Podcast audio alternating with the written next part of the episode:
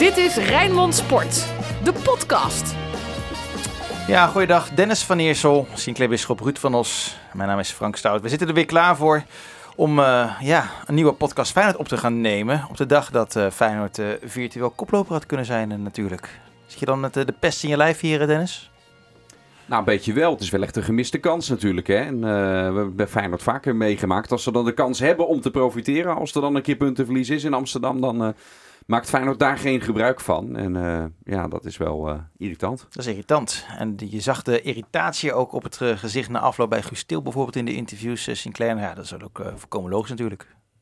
Ja, en dat had er met name mee te maken natuurlijk dat Feyenoord ja, toch een beetje bestolen is wat betreft hè, de, qua effectieve speeltijd. Maar goed, dat heeft Feyenoord eigenlijk zelf in de hand gewerkt. Als je zelf gewoon zorgt dat je niet in die situatie komt, oftewel niet zo knullig de doelpunten weggeeft, dan uh, had Feyenoord ook niet naar die scheidsrechter hoeven te wijzen uh, achteraf na de wedstrijd. En dat was de mooie professionele reactie ook van de trainer.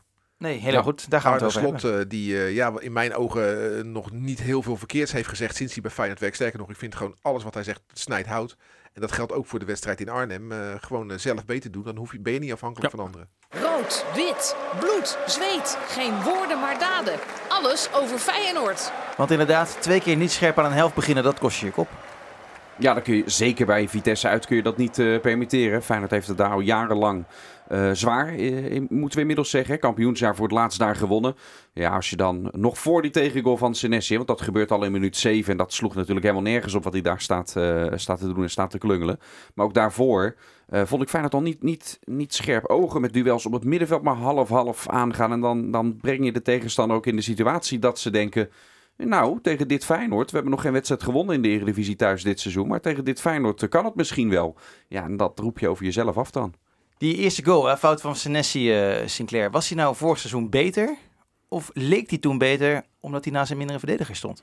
Nou, hij heeft uh, in heel veel wedstrijden heeft hij vaak wel één foutje. Uh, ja, dit was gelijk een hele dure. En hij raakte ook geblesseerd bij die actie. Want hij probeerde nog die bal van de lijn af te halen. Kwam toen hard in aanraking met het net. Dus het is zo'n dure fout geweest.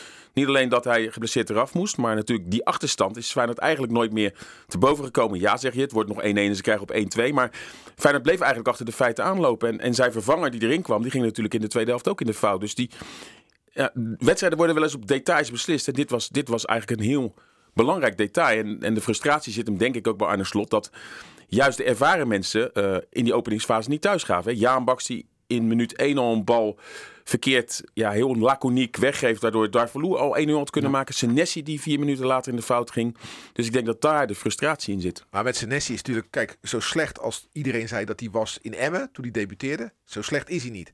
Maar zo goed als de vorige seizoen mensen zeiden dat hij 30 miljoen waard zou zijn, dat is hij ook niet. Het zit natuurlijk ergens tussenin. En nu die naast Trauner staat, ja, is uh, Trauner, uh, Senesi en Bijlo, die gevarendriehoek, is natuurlijk ergens goed voor de dag gekomen. Maar dit zijn natuurlijk geen onfeilbare voetballers. Dit zijn voetballers die fouten maken, anders spelen ze niet bij Feyenoord. Dus, dus Senesi maakt fouten, ja. En alleen dit is wat Sinclair zegt, op een hele lullig moment. Volgens mij zijn vandaag de nieuwe transferbedragen op transfermarkt.nl oh ja, verschenen. Hè? En dat is, was het Senesi 18 miljoen, hè? Nu, ja. dat, dat, dat, is dan meer, denk ik, uh, Maar Pedersen stond ook geloof ik pas nog op een miljoen. Ja. Ik... Nee, je moet ook niet al te veel waarde aan hechten. Ja, maar dat is... zeg jij. Je moet er niet te veel waarde aan hechten. En toch zijn er clubs die dat wel doen. Ja, is het een uh, fout maar van de clubs? Maar dat zegt meer over die clubs ja, dan uh, over jou inderdaad. Nee, maar inderdaad, maar uh, jij zegt 30 miljoen is niet marktconform, maar 18 miljoen is het wel ongeveer, denk ik. Ja, dat, dat, weet ik niet. Dat weet ik niet. Nou ja, ik vind, ik vind, die transfers. Ja, maar ik, ik denk als er nu een club komt die zegt, joh, we willen hem voor 18 miljoen hebben. Ik denk niet dat Feyenoord dat kan weerstaan. Hè? Maar Trouwner stond op 2 miljoen. En dat vinden we op dit moment misschien wel de uh, verpersoonlijking van het nieuwe Feyenoord. En dan weet ik, dan is die achter in de 20. Uh, en het heeft ook met contracten te maken. Maar ja, ik neem dat, ik neem dat allemaal niet zo serieus. En het zijn dagkoersen. Want Kukcu stond nu weer hoger dan misschien twee weken geleden. Nou, ik neem maar, dat niet zo heel serieus. Even de, de, de Feyenoord Watches. Uh, dus in de winter. Legt er een club gewoon naar Engeland, uh, als dat kan hoor, uh, 18 miljoen neer voor, voor Senesi. Ja, dat moet je heel snel doen, want dat... Feyenoord loopt uh, gaten dicht. En dan moet je, en je moet de complimenten geven aan Frank Arnes, hoe die toch met weinig geld hele goede spelers heeft gehaald. Dan hoop ik dat er nu, in tegenstelling tot voorgaande jaren, echt een lijstje is dat ze dan gelijk kunnen schakelen. Want ja, als hij nu niet weggaat, gaat hij misschien komende zomer weg Pak die 18 miljoen. In het verleden heeft Feyenoord al zo vaak, eh, hè, neem Jurgensen, maar we kunnen nog wel een heel lijstje maken. Dit soort bedragen niet gepakt. Alleen je moet wel een schaduwlijstje hebben. Dat je eigenlijk gewoon daadwerkelijk gelijk kan herinvesteren, zodat je niet zwakker wordt. Ja, maar we weten dat met Senesi dat Feyenoord niet dat hele bedrag meteen weer kan, eh, kan herinvesteren met de deal die er gesloten is. We hebben ook in de Disney in de laatste aflevering ging het over die contractonderhandelingen met, eh, met hem. Hè. Die, die gaan nog steeds door. Dat maakt ook wel een verschil als Feyenoord zijn contract openbreekt en voor nog langer verlengt. Nou, dan zeker. Maar misschien überhaupt daarvoor. Jij noemt nu 18 miljoen en je noemt een concreet bedrag.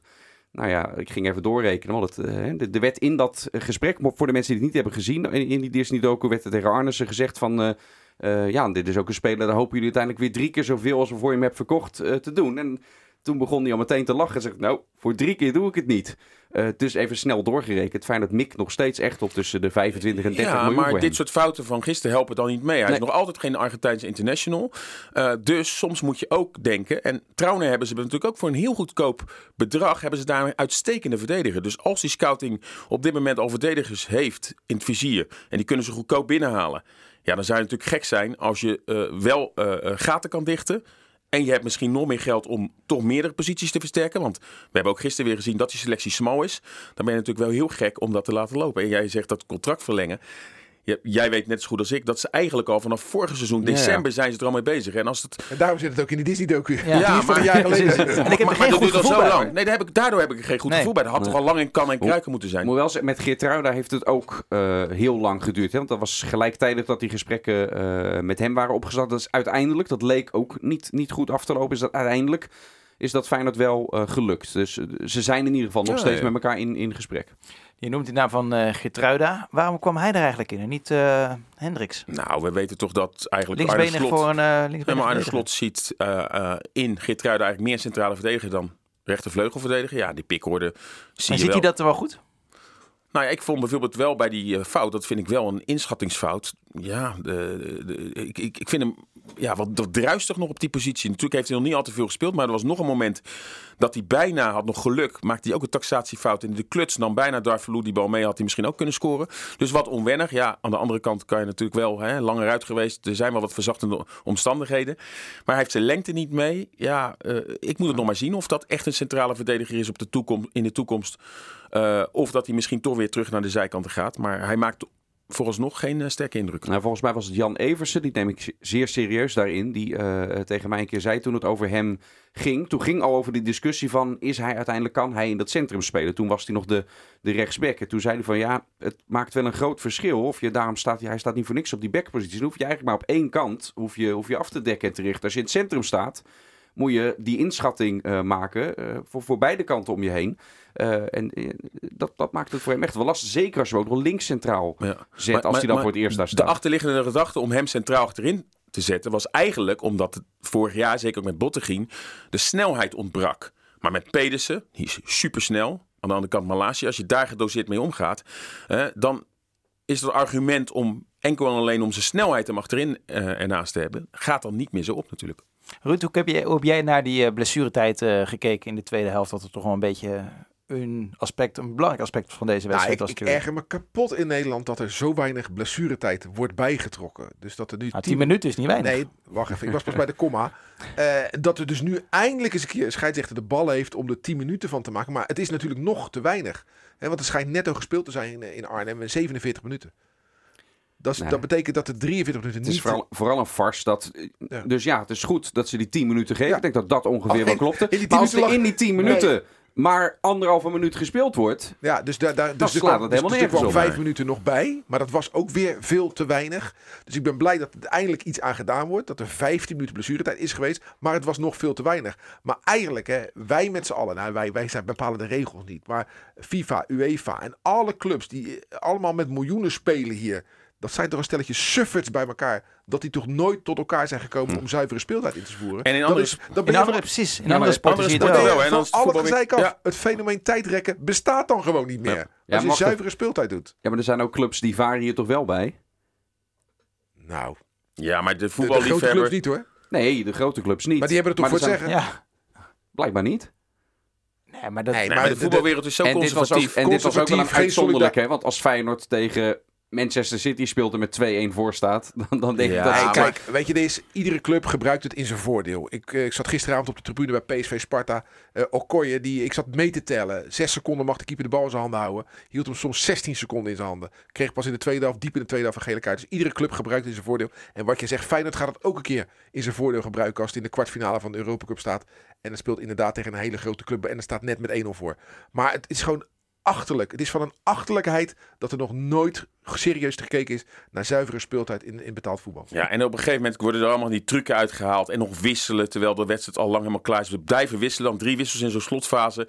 En ja, heel veel scheidsrechters hebben de ballen niet. Want je moet dat normaal doorrekenen. En hoe vaak wij niet bij een wedstrijd zitten, dan denk je nou, het wordt vijf minuten blessuretijd, is het twee. Dan denk je, het is na twee minuten blessuretijd, er is niks gebeurd. Dan zie je het bord vijf. Het lijkt wel of ze ja, een, een loodje trekken. Jij zegt, we zitten bij wedstrijden. Dat is iedere wedstrijd het geval dit. Hè? Iedere wedstrijd is er te weinig tijd. Gisteren zelfs ook. En toen was het 15 minuten en er was nog te weinig.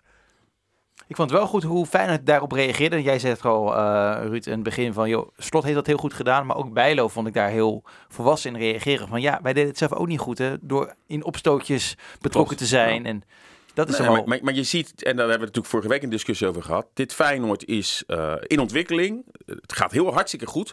Maar er zijn nog wel heel veel facetten wat verbeterd moet worden. Dat Ja. is ook niet erg. En dus hadden we het vorige week over. Je moet gewoon in- incalculeren dat er wel eens nederlagen Tuurlijk. komen. Nou, met een beetje pech had je vorige week ook tegen NEC punten laten liggen en nu.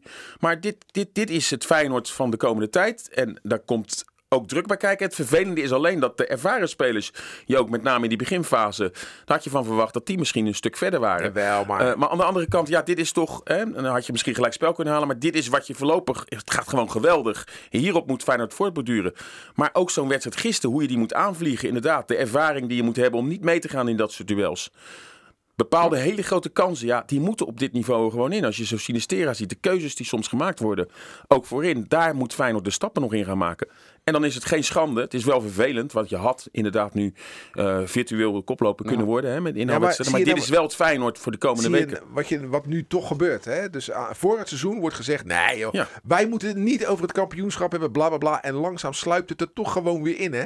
Het sluipt er gewoon weer in. Als. Feyenoord lekker meedraait, komt het gewoon weer vanzelf. Terwijl niemand is toch in de veronderstelling dat Feyenoord dit seizoen zonder nederlagen zou afmaken. Iedereen weet toch dat er toch een nederlaagje 4-5 Dat was mijn geleverd moraal zou worden. Een paar keer Ja. eh, gelijk spelen en dan eh, hopen dat het eh, beter doet dan vorig jaar. Nou, dat was vijfde. Als je nu derde wordt, doe je het hartstikke goed. En verliezen bij Vitesse, hoe vervelend het ook is, het kan gewoon een keer Maar dat is, gebeuren. dat is inderdaad het risico. Kijk, uit bij Utrecht, uit bij Vitesse, die kun je verliezen. En dan, zelfs als je die verliest, dan draai je gewoon nog steeds mee Precies. op plek 3. En als het een beetje mee zit, als een andere concurrent is slecht, kun je zelfs, als je alleen maar dat soort wedstrijden morst, kun je om plek 2 meedoen. Ja. Kijk, waar je wel, denk ik, toch altijd eh, eh, positief kritisch op, op moet blijven, eh, is Vitesse uit is wel iets anders dan bijvoorbeeld NEC thuis. Of, nou, VVV doet niet, doet niet mee, maar Cambuur thuis. Nou, of- onderschat of, sorry, NEC, of, sorry, hoor. of sorry Ruud, Sparta Ja. uit. Ja. Kijk, daarin mag je wel gewoon van Feyenoord verwachten. Ja. Want dat zijn ook precies de wedstrijden waarin Feyenoord vorig seizoen... uiteindelijk, als je gaat terugkijken nu waar heeft Feyenoord het laten liggen... dan zijn heel kort door de bocht. ADO uit en Emmen thuis. Als je alleen al die had gepresteerd... moet je kijken wat voor een seizoen het was. En dan nog had Feyenoord dan... Ja. Maar dat zeggen al die clubs, hè? Die, eh, Vitesse kwam vorig jaar ook een lijstje maken van, eh, Ja. zoals we die, want die had ook rare nederlagen. Dus die- dat argument vind ik niet altijd opgaan. Maar eh, bijvoorbeeld tegen NEC, ja, Feyenoord heeft daar uiteindelijk vijf doelpunten tegen gemaakt. Hè? En gisteren schort het aan de afronding. Want ook gisteren krijg je eigenlijk weer gewoon vier, vijf opgelegde kansen. Alleen je geeft zelf die wedstrijd weg. Maar ja, dit hoort wel bij het proces. Als ik dan kijk naar het, het, het hele slotverhaal en het Arnezen verhaal, waar ik heel positief over ben. Arnezen haalt de goede spelers, slot zet ze op de juiste plek. De enige waar ik me een beetje zorgen over maak is je handbaks. Zo, die is... eh, Die, Nog die- niet in vorm geweest Die, pakt niet door daar waar anderen dat wel doen, vind ik. eh. En dat komt, dat is ook al vaker gezegd, omdat we weten hoe goed hij kan zijn. Ja. Dus dan verwacht je misschien meer van hem. Alleen dan, gisteren verwachtte ik bijvoorbeeld op een gegeven moment dat hij naar de kant zou gaan. Nou, dan wordt Linsen naar de kant gehaald, die ook niet goed speelde hoor. Maar hij, speelde nu 90 minuten, ook vorige week tegen Slavia. Stond hij ook wat langer in het veld dan wij volgens mij ook wel dachten. Volgens mij probeert Arne Slot wel eh, dat hij moet ergens doorheen. Hè, misschien een doelpunt nodig of wat dan ook. Alleen ja, ook gisteren zat hij totaal niet in de wedstrijd. Nou, toen dachten we misschien eerder dat misschien nog, hè, eh, misschien Nelson er toch nog in zou komen.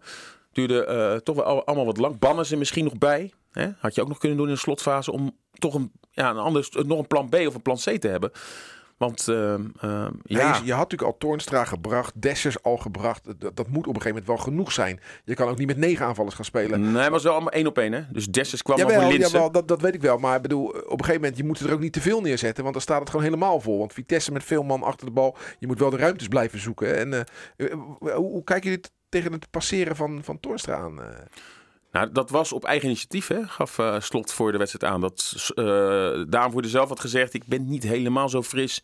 Dus als het in, in, in dat overleg gaat, dan juich ik het alleen maar toe. Hè? Dat spelers wel aangeven van, nou, het is de laatste, het laatste blok. Normaal gesproken is hè, uh, die Uisnes is ook wel een speler die tegen de basis aan schurkt. Dus dan kan je denken van, nou ja, je hebt iedereen wel een beetje nodig als hè, de twaalfde en de dertiende man erbij. Maar ja, het is wel zo, Feyenoord verliest wel gelijk zonder hem. Ik wil ook één, één dingetje voordat we naar de Feyenoord van de week gaan. Ik maak me een klein beetje zorgen om uh, zeg maar de Conference League en de wedstrijden daarna. Want Feyenoord speelt nog drie keer uit na een wedstrijd in de Conference League. Twente, Cambuur en Groningen. Ook niet de makkelijkste wedstrijdjes. Ja, en AZ thuis. Die had ik er niet op, uh, op papier staan. Ja. Dat, dat, dat is niet echt een heel erg lekker vooruitzicht. Nee, dat is erg, uh, erg ongelukkig uh, gepland. Hè? Misschien hadden ze bij de KNVB niet gedacht. Hadden ze weinig vertrouwen dat Feyenoord uh, uiteindelijk die groepsfase zou Mag ik hem heel snel counteren? Willem 2 uit 0-4, PSV uit 0-4 ook na een... Ja, laten, we ons daar maar, laten we ons daar aan vasthouden. Nee, maar, maar uh, dat, ik, ik vind dat dat mag niet altijd meetellen. Dat bij Utrecht, die wedstrijd was ook vroeg. Hij was binnen de 72 uur. Nu zeggen ze, met name ook medische mensen, dat ja, binnen 72 uur, zeker met reizen ook erbij, dat was toen uit Zweden, dat dat wel een probleem kan zijn. Maar Vitesse heeft ook een wedstrijd afgelopen donderdag. Dus dat mag geen excuus nee, zijn. maar dat is het. Maar excuses, dat hoort bij de voetballerij als water bij de zee. Weet je al, ja, ja, excuses verzinnen, daar zijn ze meesters in de voetballerij. Want in de voetballerij bestaat weken uit acht, uit acht dagen. Hè, want ze spelen drie keer per week. Ja, dat is onzin, er speelt geen ene ploeg drie keer per week. Maar ze blijven het maar roepen. En je gaat er op een gegeven moment gewoon vanzelf in geloven. Dus, dus de excuses, excuses.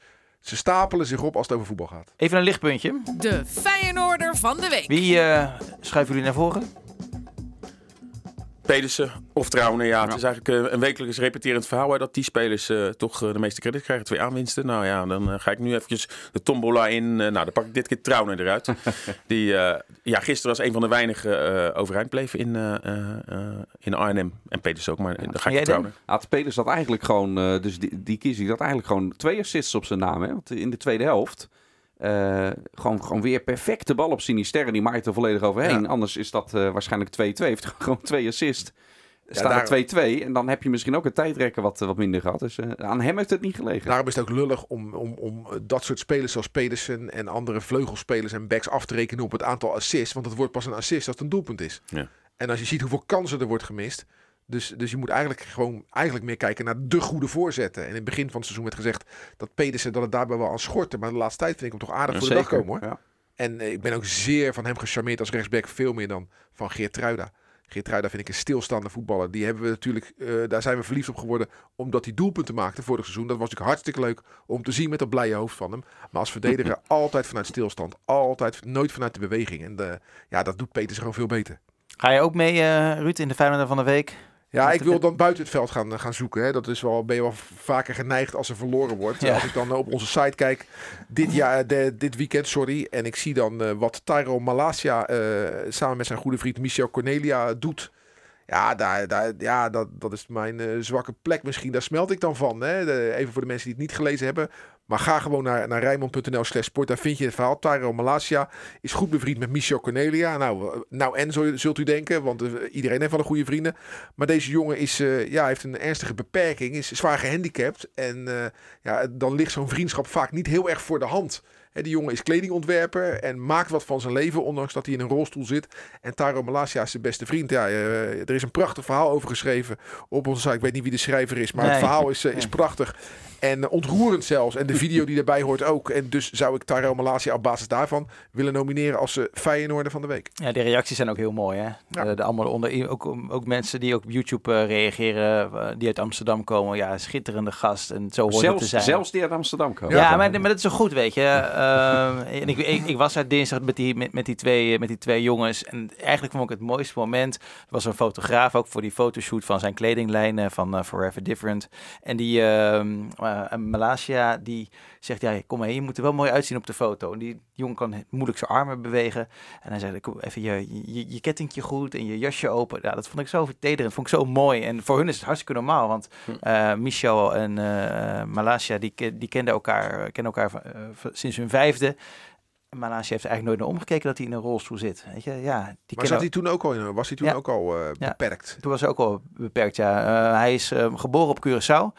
Eh, zijn moeder die probeerde eh, ja, met allerlei ziekenhuisonderzoeken daar achter te komen wat er mis was. Ze kon het niet vinden. Uiteindelijk zijn ze daardoor naar Nederland geëmigreerd, omdat hier de voorzieningen een stuk beter zijn. Die jongen heeft eh, een spierziekte, SMA type 2. Nou, het schijnt een hele bijzondere spierziekte te zijn. Dat is in Nederland geconstateerd. Eh, en ze zijn hier voortaan ook gebleven. Ook gewoon om die jongen een betere toekomst te geven. En die moeder die zei ook van ja, dit is de beste beslissing die ik ooit Ja. heb gemaakt in Ja. mijn leven. En ze woonde in de straat bij de oma van Malasia, waar die nog steeds veel komt. Nou, Malasia zat daar op school, op de Bogermanschool. En zo is die vriendschap ontstaan. Ja, en mooi. zij hebben nog steeds gewoon Geweldig. iedere dag contact eh, bijna. Ja, het mooie is in Nederland dat de voorzieningen voor mensen die, eh, waar het even bij tegen zitten en met een beperking moeten leven, dat die voorzieningen gewoon zo goed zijn. En natuurlijk is het nog niet perfect en dat zal het ook nooit worden. Eh, maar, maar als je ziet hoeveel oh, medailles wij op de Paralympische Spelen Ja. halen, dat onderschrijft dat wij het goed met onze mensen voor hebben die, eh, die een arm missen, een been missen, die beperkt zijn. De- hier krijgen ze de ruimte en de kans om toch dingen te doen waar ze goed in zijn en die ze leuk vinden. En ze hebben het veel, veel met elkaar over voetbal, hè? dus dat is, eh, dat is ook mooi. En hij, eh, die Micho, is de, de meest kritische gast op, eh, op Malasia. Ja, het is gewoon mooi. Het is ook het hele interview. Dan zal hij zo- gisteren ook wel kritisch geweest zijn. Nou ja, maar dat, dat- geen goeie- Nou ja, ik sprak hem dus dinsdag. En dat was net na die matige wedstrijd van Malaysia, zeker de eerste helft tegen NEC. Dus ik zei ook van, heb je tegen na NEC al wat te horen gekregen? Ja, maar dat weet ik zelf ook al hoor. Dus ja, dat, het hele interview, dat is toch 13 minuten of zo. Dat staat ook nog gewoon bij dat artikel, kan je terugkijken. Ja, nou ja, gewoon nog goede, goede gasten. Trouwens, als ik ook even wat positiefs eh, eh, mag noemen. Ik was gisteren bij de Feyenoord vrouwen. De Feyenoord vrouwen winnen van Ajax met 4-1. En ik vond het echt, echt Ja. oprecht hartstikke leuk om er te zijn. Ik was een van de 2500, 2500 aanwezigen. Ja, het was mooi. Goede sfeer. Ja, ik heb het gezien op televisie. Eh, omdat Vitesse Feyenoord natuurlijk later begon, kon ik eh, kijken. En eh, ja, Feyenoord heeft dat zelf denk ik ook goed aangepakt. Goede sfeer. Op het juiste moment is denk ik Feyenoord ook hè, in die eredivisie nu terecht Nou, ik denk gekomen. te laat eigenlijk. Nou ja, je kon ook, zoals heel veel andere clubs, maar als je het gelijk goed doet en er gelijk voor zorgt met een marketing en eigen team dat ook competitief is. Want Zo de is angst het, was ja. er nog een beetje van, hè, dat misschien Feyenoord dan gelijk de eerste jaren echt alleen maar dik zou verliezen. was ja, ook, komt het er ook nooit in. Niemand had verwacht dat ze zo dik Dat zouden ze winnen. zo goed zouden doen, niet, nee, maar... Ja, ehm, het is het, het beste wat de vrouwen-eredivisie de laatste jaren is overkomen. Dat is de toetreding van Feyenoord. Dat denk Want ik wel, die ja. eredivisie is zo dood als een pier. Iedere zondag worden we om kwart over twaalf verwend tussen aanleidingstekens met een vrouwenwedstrijd. Dan zie ik alleen maar lege stadions, lege velden. Want soms spelen ze niet eens in het stadion. Ziet er gewoon niet uit. Nou, nu komt Feyenoord daar. Nou, ik zag die eerste wedstrijd tegen Heerenveen. Zat het vol. Eh, nu tegen Feyenoord. Nee, het zat het niet vol. Nee, maar- zaten er nou, duizend man. Het was goed gevuld met die vlaggen. Ze maakten er Ja. wat van. En nu tegen Ajax zat het bomvol. En dit is een affiche. Kijk, en dat hetzelfde geldt voor de Leeuwinnen. Oranje, dat verkoopt. Hè. Dan is vrouwenvoetbal leuk om naar te kijken als er een ambiance is. Maar naar eh, Twente PSV, ergens op een achterafveldje in Enschede. Ja, daar word ik echt niet opgewonden van. Maar zoals die klassieke, zoals gisteren, in die geweldige omstandigheden, die regen. Het maakte het zo heroïs. En eh, ja, dus, dus dan vergeef je dat het, het voetbal wat minder is. En dat de keepers niet zo heel goed zijn. Maar de sfeer eromheen maakte dan wel wat van. Ja, nee, dat was echt, eh, het was echt mooi. En eh, na afloop ook, allemaal die, ja, die meiden ken ik nou iets, heel klein beetje beter. Ja, die zijn ook gewoon oprecht blij. Je kan ook tegen ze zeggen, joh, eh, het was allemaal niet heel goed. Dat die uh, Anouk Boshuizen, de aanvoerster, die beaamt het ook, ook allemaal dat het nog niet altijd even goed is. En ik heb er wel een zwak voor, voor de trainer, voor Danny Mulder. Die doet gewoon hartstikke normaal. Ehm, kijk, ESPN die maakt er natuurlijk van dat dit, zeg maar, een mega grote wedstrijd is. En hij zegt, ja, nou ja, het zal allemaal, allemaal wel. We hebben gewoon lekker getraind en eh, we, halen, eh, we gaan voor drie puntjes. En eh, het is gewoon een beetje beladen, maar niet meer dan dat. Dus ik vind dat een goeie, een, gewoon een leuke, leuke vent. En ik, ik wens de dames nog veel meer En, succes. en wat ik wil zeggen is, wat ik hoor, ik ben er zelf nog niet geweest. En ik ga er zeker binnenkort ook kijken. En dan lekker mijn kinderen meenemen. Dat kan makkelijk. Want dat is het. Hè. Hmm. Je ziet daar vaders met kleine kinderen, meisjes, jongens, alles. En ik ben blij dat er toch bewezen wordt dat er een evenement is wat door Feyenoord wordt georganiseerd. Waarbij het dus wel mogelijk is dat iedereen zich gewoon gedraagt. En dan ook gewoon iedereen. Dat daar geen gekkigheid is, dat er geen rottigheid is. En eh, hè, dat de sommige mensen bij Feyenoord, eh, of, of die Feyenoord aanhangers, zijn daar trots op. Op dat zogenaamde ruwe randje.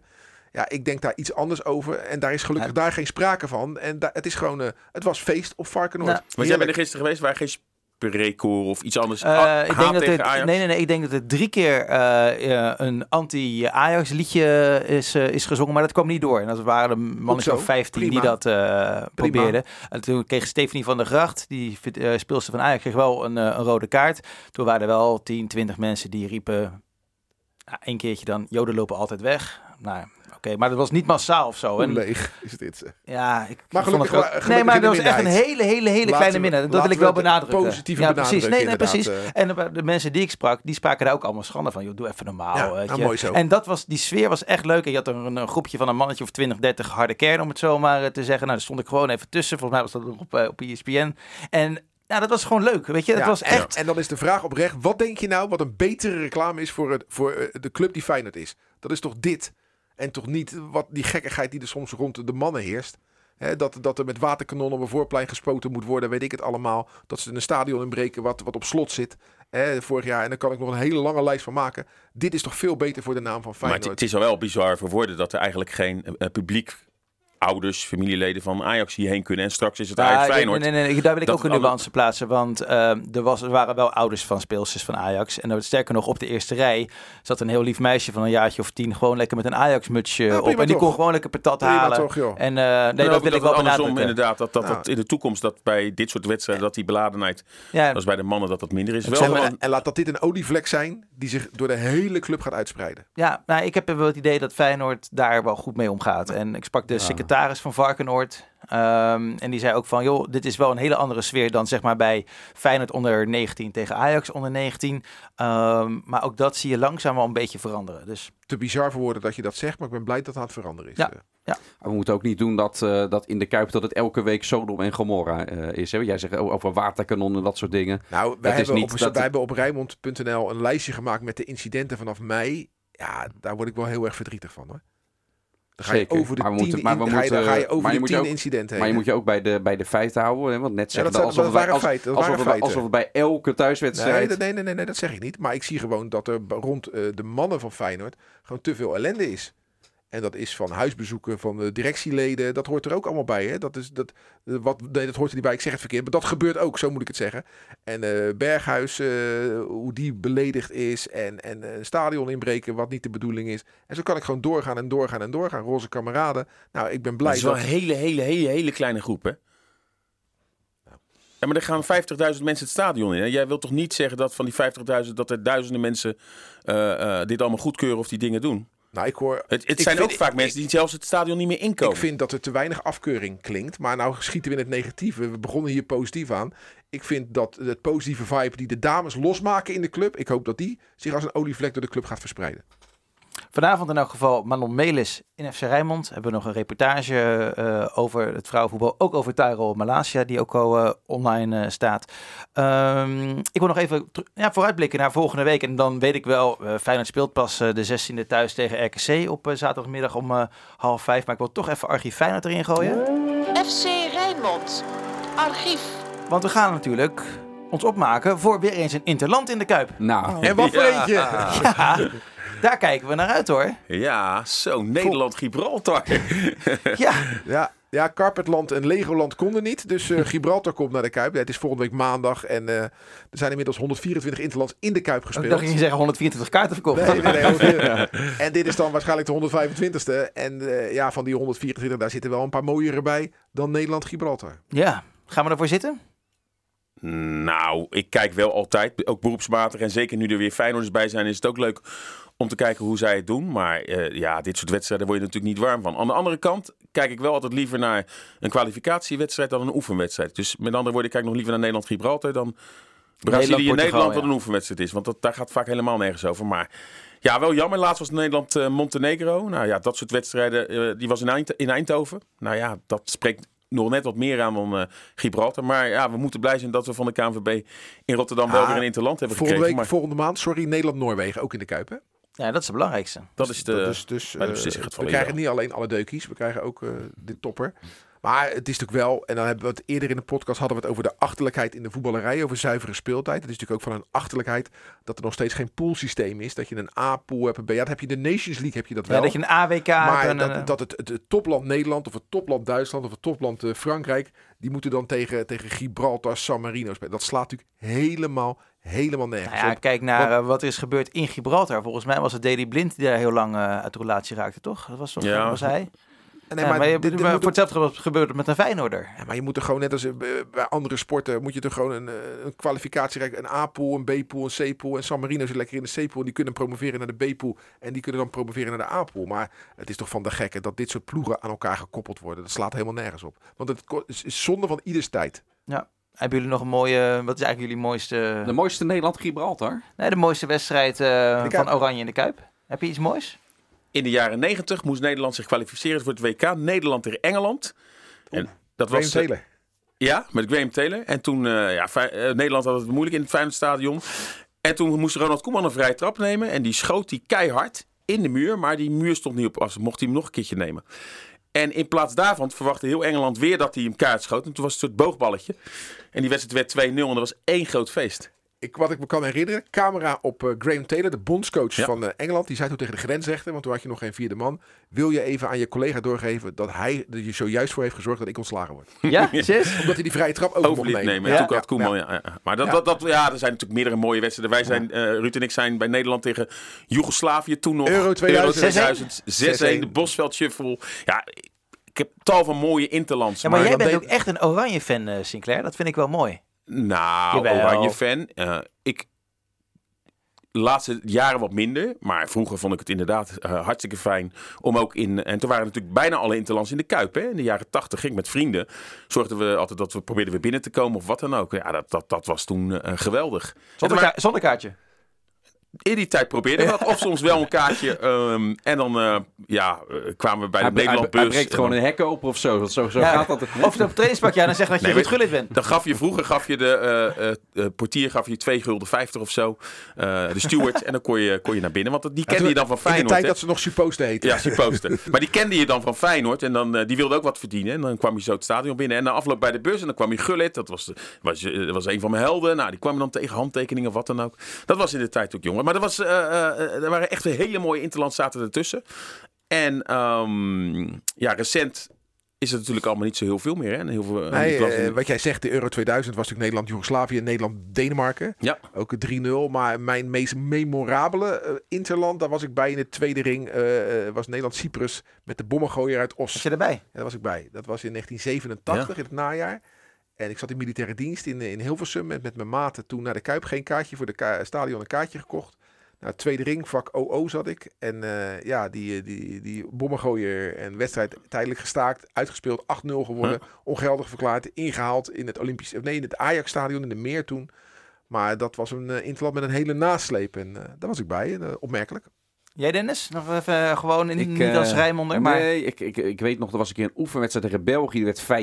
Ja, ook was-. Ja, was- was was ook bij, Drie keer, ja. dat was ook... eh, Ja. eh, volgens mij was die vlak na dat WK dat het 0-0 bleef. Die WK met die nasleep met Stalens Ja, en Kluivert. ja, en volgens ja, mij was dit ja, de eerstvolgende Nederland-België. Daarna was Ja. ook heel veel Bart Goor scoorde eh, namens de Bel. ja, ophef eh, eromheen. En eh, geen positieve herinnering. Maar goed, ik zie het nog steeds op een netvlies Nederland-Portugal. WK-kwalificatie. Met dat nepfluitje? Met Ja. het nepfluitje. Ja. Waardoor... eh, 11 oktober op mijn dat was het begin van een eh, desastreuze eh, kwalificatie. Ja, ze hadden al gelijk gespeeld thuis tegen Ierland in, in Amsterdam. En toen moest het eigenlijk al tegen Portugal vroeg. En toen eh 0-2. 0-2, denk ik. Ja, Van der Sar die eh, ja, dacht dat er gefloten werd, deed niets meer. En, eh, Nou, ik dacht een van de verdedigers of zo. Ja, maar ook Van der stil Sar bleef Ja. stilstaan. En eh 0-2 eh, nederlaag. En wat je zegt, uiteindelijk... Een prachtige interlands in de Kuip gespeeld, joh. Ja. Eh, kijk, als je kijkt, eh, wat ik zeg, met 124 interlands staat Stadion Feyenoord ver bovenaan. Hè, want op de tweede plaats staat het Olympisch Stadion met 77. En de Amsterdam Arena en Johan Cruijff Arena gecombineerd, die komen ook tot 77. Dus, dus eh, het sta- als stadion staat de Kuip ver. Dus er zijn zulke mooie interlands gespeeld. Ik kan me ook nog eens een keer in Nederland, Noord-Ierland herinneren met George Best. Eh, dat, dat weet ik, dan was ik niet bij, want daar was ik te jong voor. Maar dat kan ik me wel herinneren. En, ja, Toch recent ook nog Nederland eh, dat wereldkampioen Frankrijk naar huis speelde. Hè? Met, eh, wat was het, 2-3-0? Ja. Ja. of 2-3 De geleden. Nations met League, Koeman. Stiftje Panenkaartje van eh, de Paai. Ja. Ja. Hey, in een nieuw stadion, Dennis. Er gaan er mogelijk ook uh, interlandse komen als die gaan komen. Ja, ik probeer een heel slecht bruggetje te maken. Maar je hebt geloof ik nieuws Niet over... slecht bruggetje. Nee, daar is inderdaad een afspraak ook met de KNVB. Mocht het er ooit komen dat stadion dat Feyenoord dan ook meer en ook wat meer aansprekendere uh, Interlands dan, uh, dan krijgt. Nou, we, gaan het, we zitten nu het laatste kwartaal van dit jaar. Dat is het kwartaal waarin uiteindelijk dan ja, echt het besluit moet, moet vallen. Dus ik heb maar weer eens diverse mensen gebeld en gesproken van... joh, wat is de voortgang nu? Want het blijft zo stil. en eigenlijk is dat toch wel zorgwekkend wat ik dan, wat ik dan overal vandaan hoor. neem bijvoorbeeld die landaanwinning. Uh, hè, want een deel van het stadion komt in het water te liggen. Dan moet een baggeraar moet daar gewoon het land aanwinnen om daarop te kunnen bouwen. Dat is nog niet begonnen. Um, het is nog niet helemaal zeker of dat weer tot nieuwe vertraging leidt. Maar er gaat eigenlijk wel mee gewacht worden tot het eind van het jaar. Tot er sowieso duidelijkheid is of dat stadion er nog komt. En uh, de grootste zorgen zitten nog niet eens in dat die landaanwinning nog niet begonnen is. Maar gewoon dat ja, de financiering nog altijd niet rond is. Uh, vooral dat gedeelte met die vrienden aan de Maas. Hè. Niet los te zien van de bedreigingen die er ook zijn. Dat geld, uh, 13, 15 miljoen of zo van de 40, is er gewoon nog, uh, nog steeds niet. Ja, en dat bouwakkoord als ik daar mensen over spreek, daar blijf ik toch de grootste vraagtekens bij hebben van ja, gaat dat er gebeuren? Hè? Dus er moet een gegarandeerde bouwsom worden, uh, contractueel worden vastgelegd, 441 miljoen. Ze kunnen er wel wat overheen gaan, maar niet tientallen miljoenen. Dat lijkt nu wel zo'n beetje de prijsopgave te zijn. En dan kun je weer gaan schaven in bouwmaterialen of kijken of je nog iets uit de business case kan halen. Maar als we het hebben over ja, 40 of 50 miljoen meer, ja, dat gaat hem dan gewoon niet niet worden. Ja, het is 3,65 en met rente eh, is het 4,41, ja, toch? Exact, Zo ja, is het. Hè? dus ze moeten, moeten binnen die 3,65 blijven. Ja, weet je, je kan net zo lang gaan schaven tot je een stadion van papier maché hebt. Dan, dan zal je best binnen die 3,65 blijven. Maar dit is een prijs die is gemaakt, Dennis, correct me if I'm wrong, 2017, 18 ongeveer. En als je dan in 2025 gaat bouwen, dus acht jaar later, ja, dat is toch niet reëel om dan te verwachten dat je dan nog steeds binnen die 3,65 kan blijven. Nee. geen enkele index indexering En op. dus als daar uiteindelijk, als, als die overschrijding, die kostenoverschrijding zo hoog is als uh, waarop het nu lijkt, nou in dit laatste kwartaal, in deze maand, uh, zou wel moeten blijken of daar nog enige ruimte is om tot een akkoord te komen. Als dat nou echt blijkt van ja, dat gaat hem niet worden, dan kan altijd Feyenoord zelf nog zeggen van ja, we hebben er alles aan gedaan, maar het, maar het lukt niet.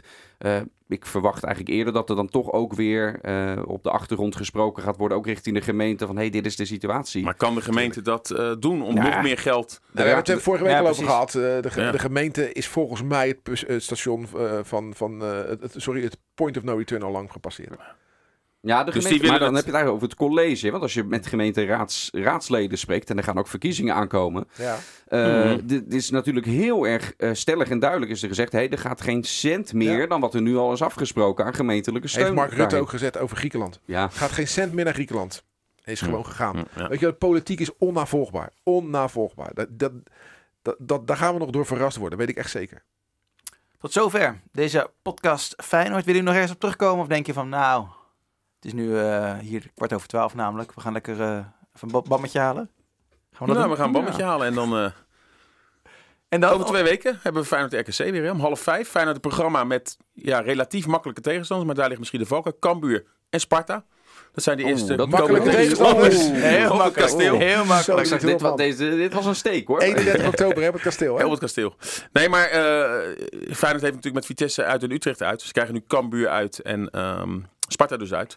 Het, En niet, ook het nietige. Sparta. Zou je Nee. Dat betekent ook volgende week geen Ja, er, is, er is een fase geweest waarin eh Sparta vijf keer achter elkaar Ja, won, recent. Maar Zeker. de laatste keren toch ook weer niet. Hè? De, de, de 7-0 van Pastoor staat me nog eh, helder bij. Ja, Feyenoorders zullen die wedstrijd anders herinneren. Hè, de 0-7, maar voor Spartanen is het die, de 0-7. die denken drie keer venten. O- omdat, omdat, ja, precies, omdat Pastoor toen ontslagen werd. En de laatste was de- 0-2. januari, eh, de, de eerste wedstrijd van Prato. En Ja. ja. toch hè, ben ik er nog steeds van overtuigd. Als hij die wedstrijd daar niet op de paal schiet, maar scoort, ziet de wereld er heel Ja. anders voor hem uit. Heel anders. Maar Maar hier, hier geloof ik, voetballerij hangt echt zo ook van Ja. momenten en toeval aan elkaar. Er zijn tal van voorbeelden. Ik ga nu twee hele gekke namen noemen. Maar Prato schaar je ook in dat rijtje. Ik, bij Bilal eh, Ja. moet ik altijd denken...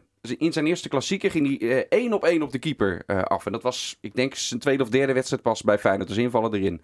Schuif je zo'n bal binnen, heb je meteen veel meer eh, krediet. Ik ga hem nog gekkere noemen. Slory. Eh, in, eh, volgens mij in dezelfde Nee? klassieker Oh. Kazim. Die, eh, Ja, die van heel maar- dichtbij. Nee, maar je, je, je weet hoe dat, hoe dat werkt, Sinclair. Hoe je, hoe je binnenkomt, beeldvorming, zeker bij Feyenoord en voor aanvallers, is wel eh, essentieel. En ik zal vast er wel gehakt van maar- maken. maar je weet toch maar ook- Bilal had ook Oh, oh. de kwaliteiten, die heeft hij ook daarna weer bewezen. In Turkije overal, nu zit hij bij Heracles. Ik denk dat dat een Nee, beetje maar zijn dat is toch ook zo? Maar je, als de eh, jongens kwaliteit vind ik hebben... wel een ander... dat, die, daar, ja, daar vond ik wel van. Dat hij aanwijsbaar een goede voetballer was. Heeft hij later ook bij andere clubs nog wel bewezen. Ik denk dat hij het Feyenoord niveau aankon. Maar die kwam echt gewoon slecht binnen. En dat was misschien een verkeerde keuze.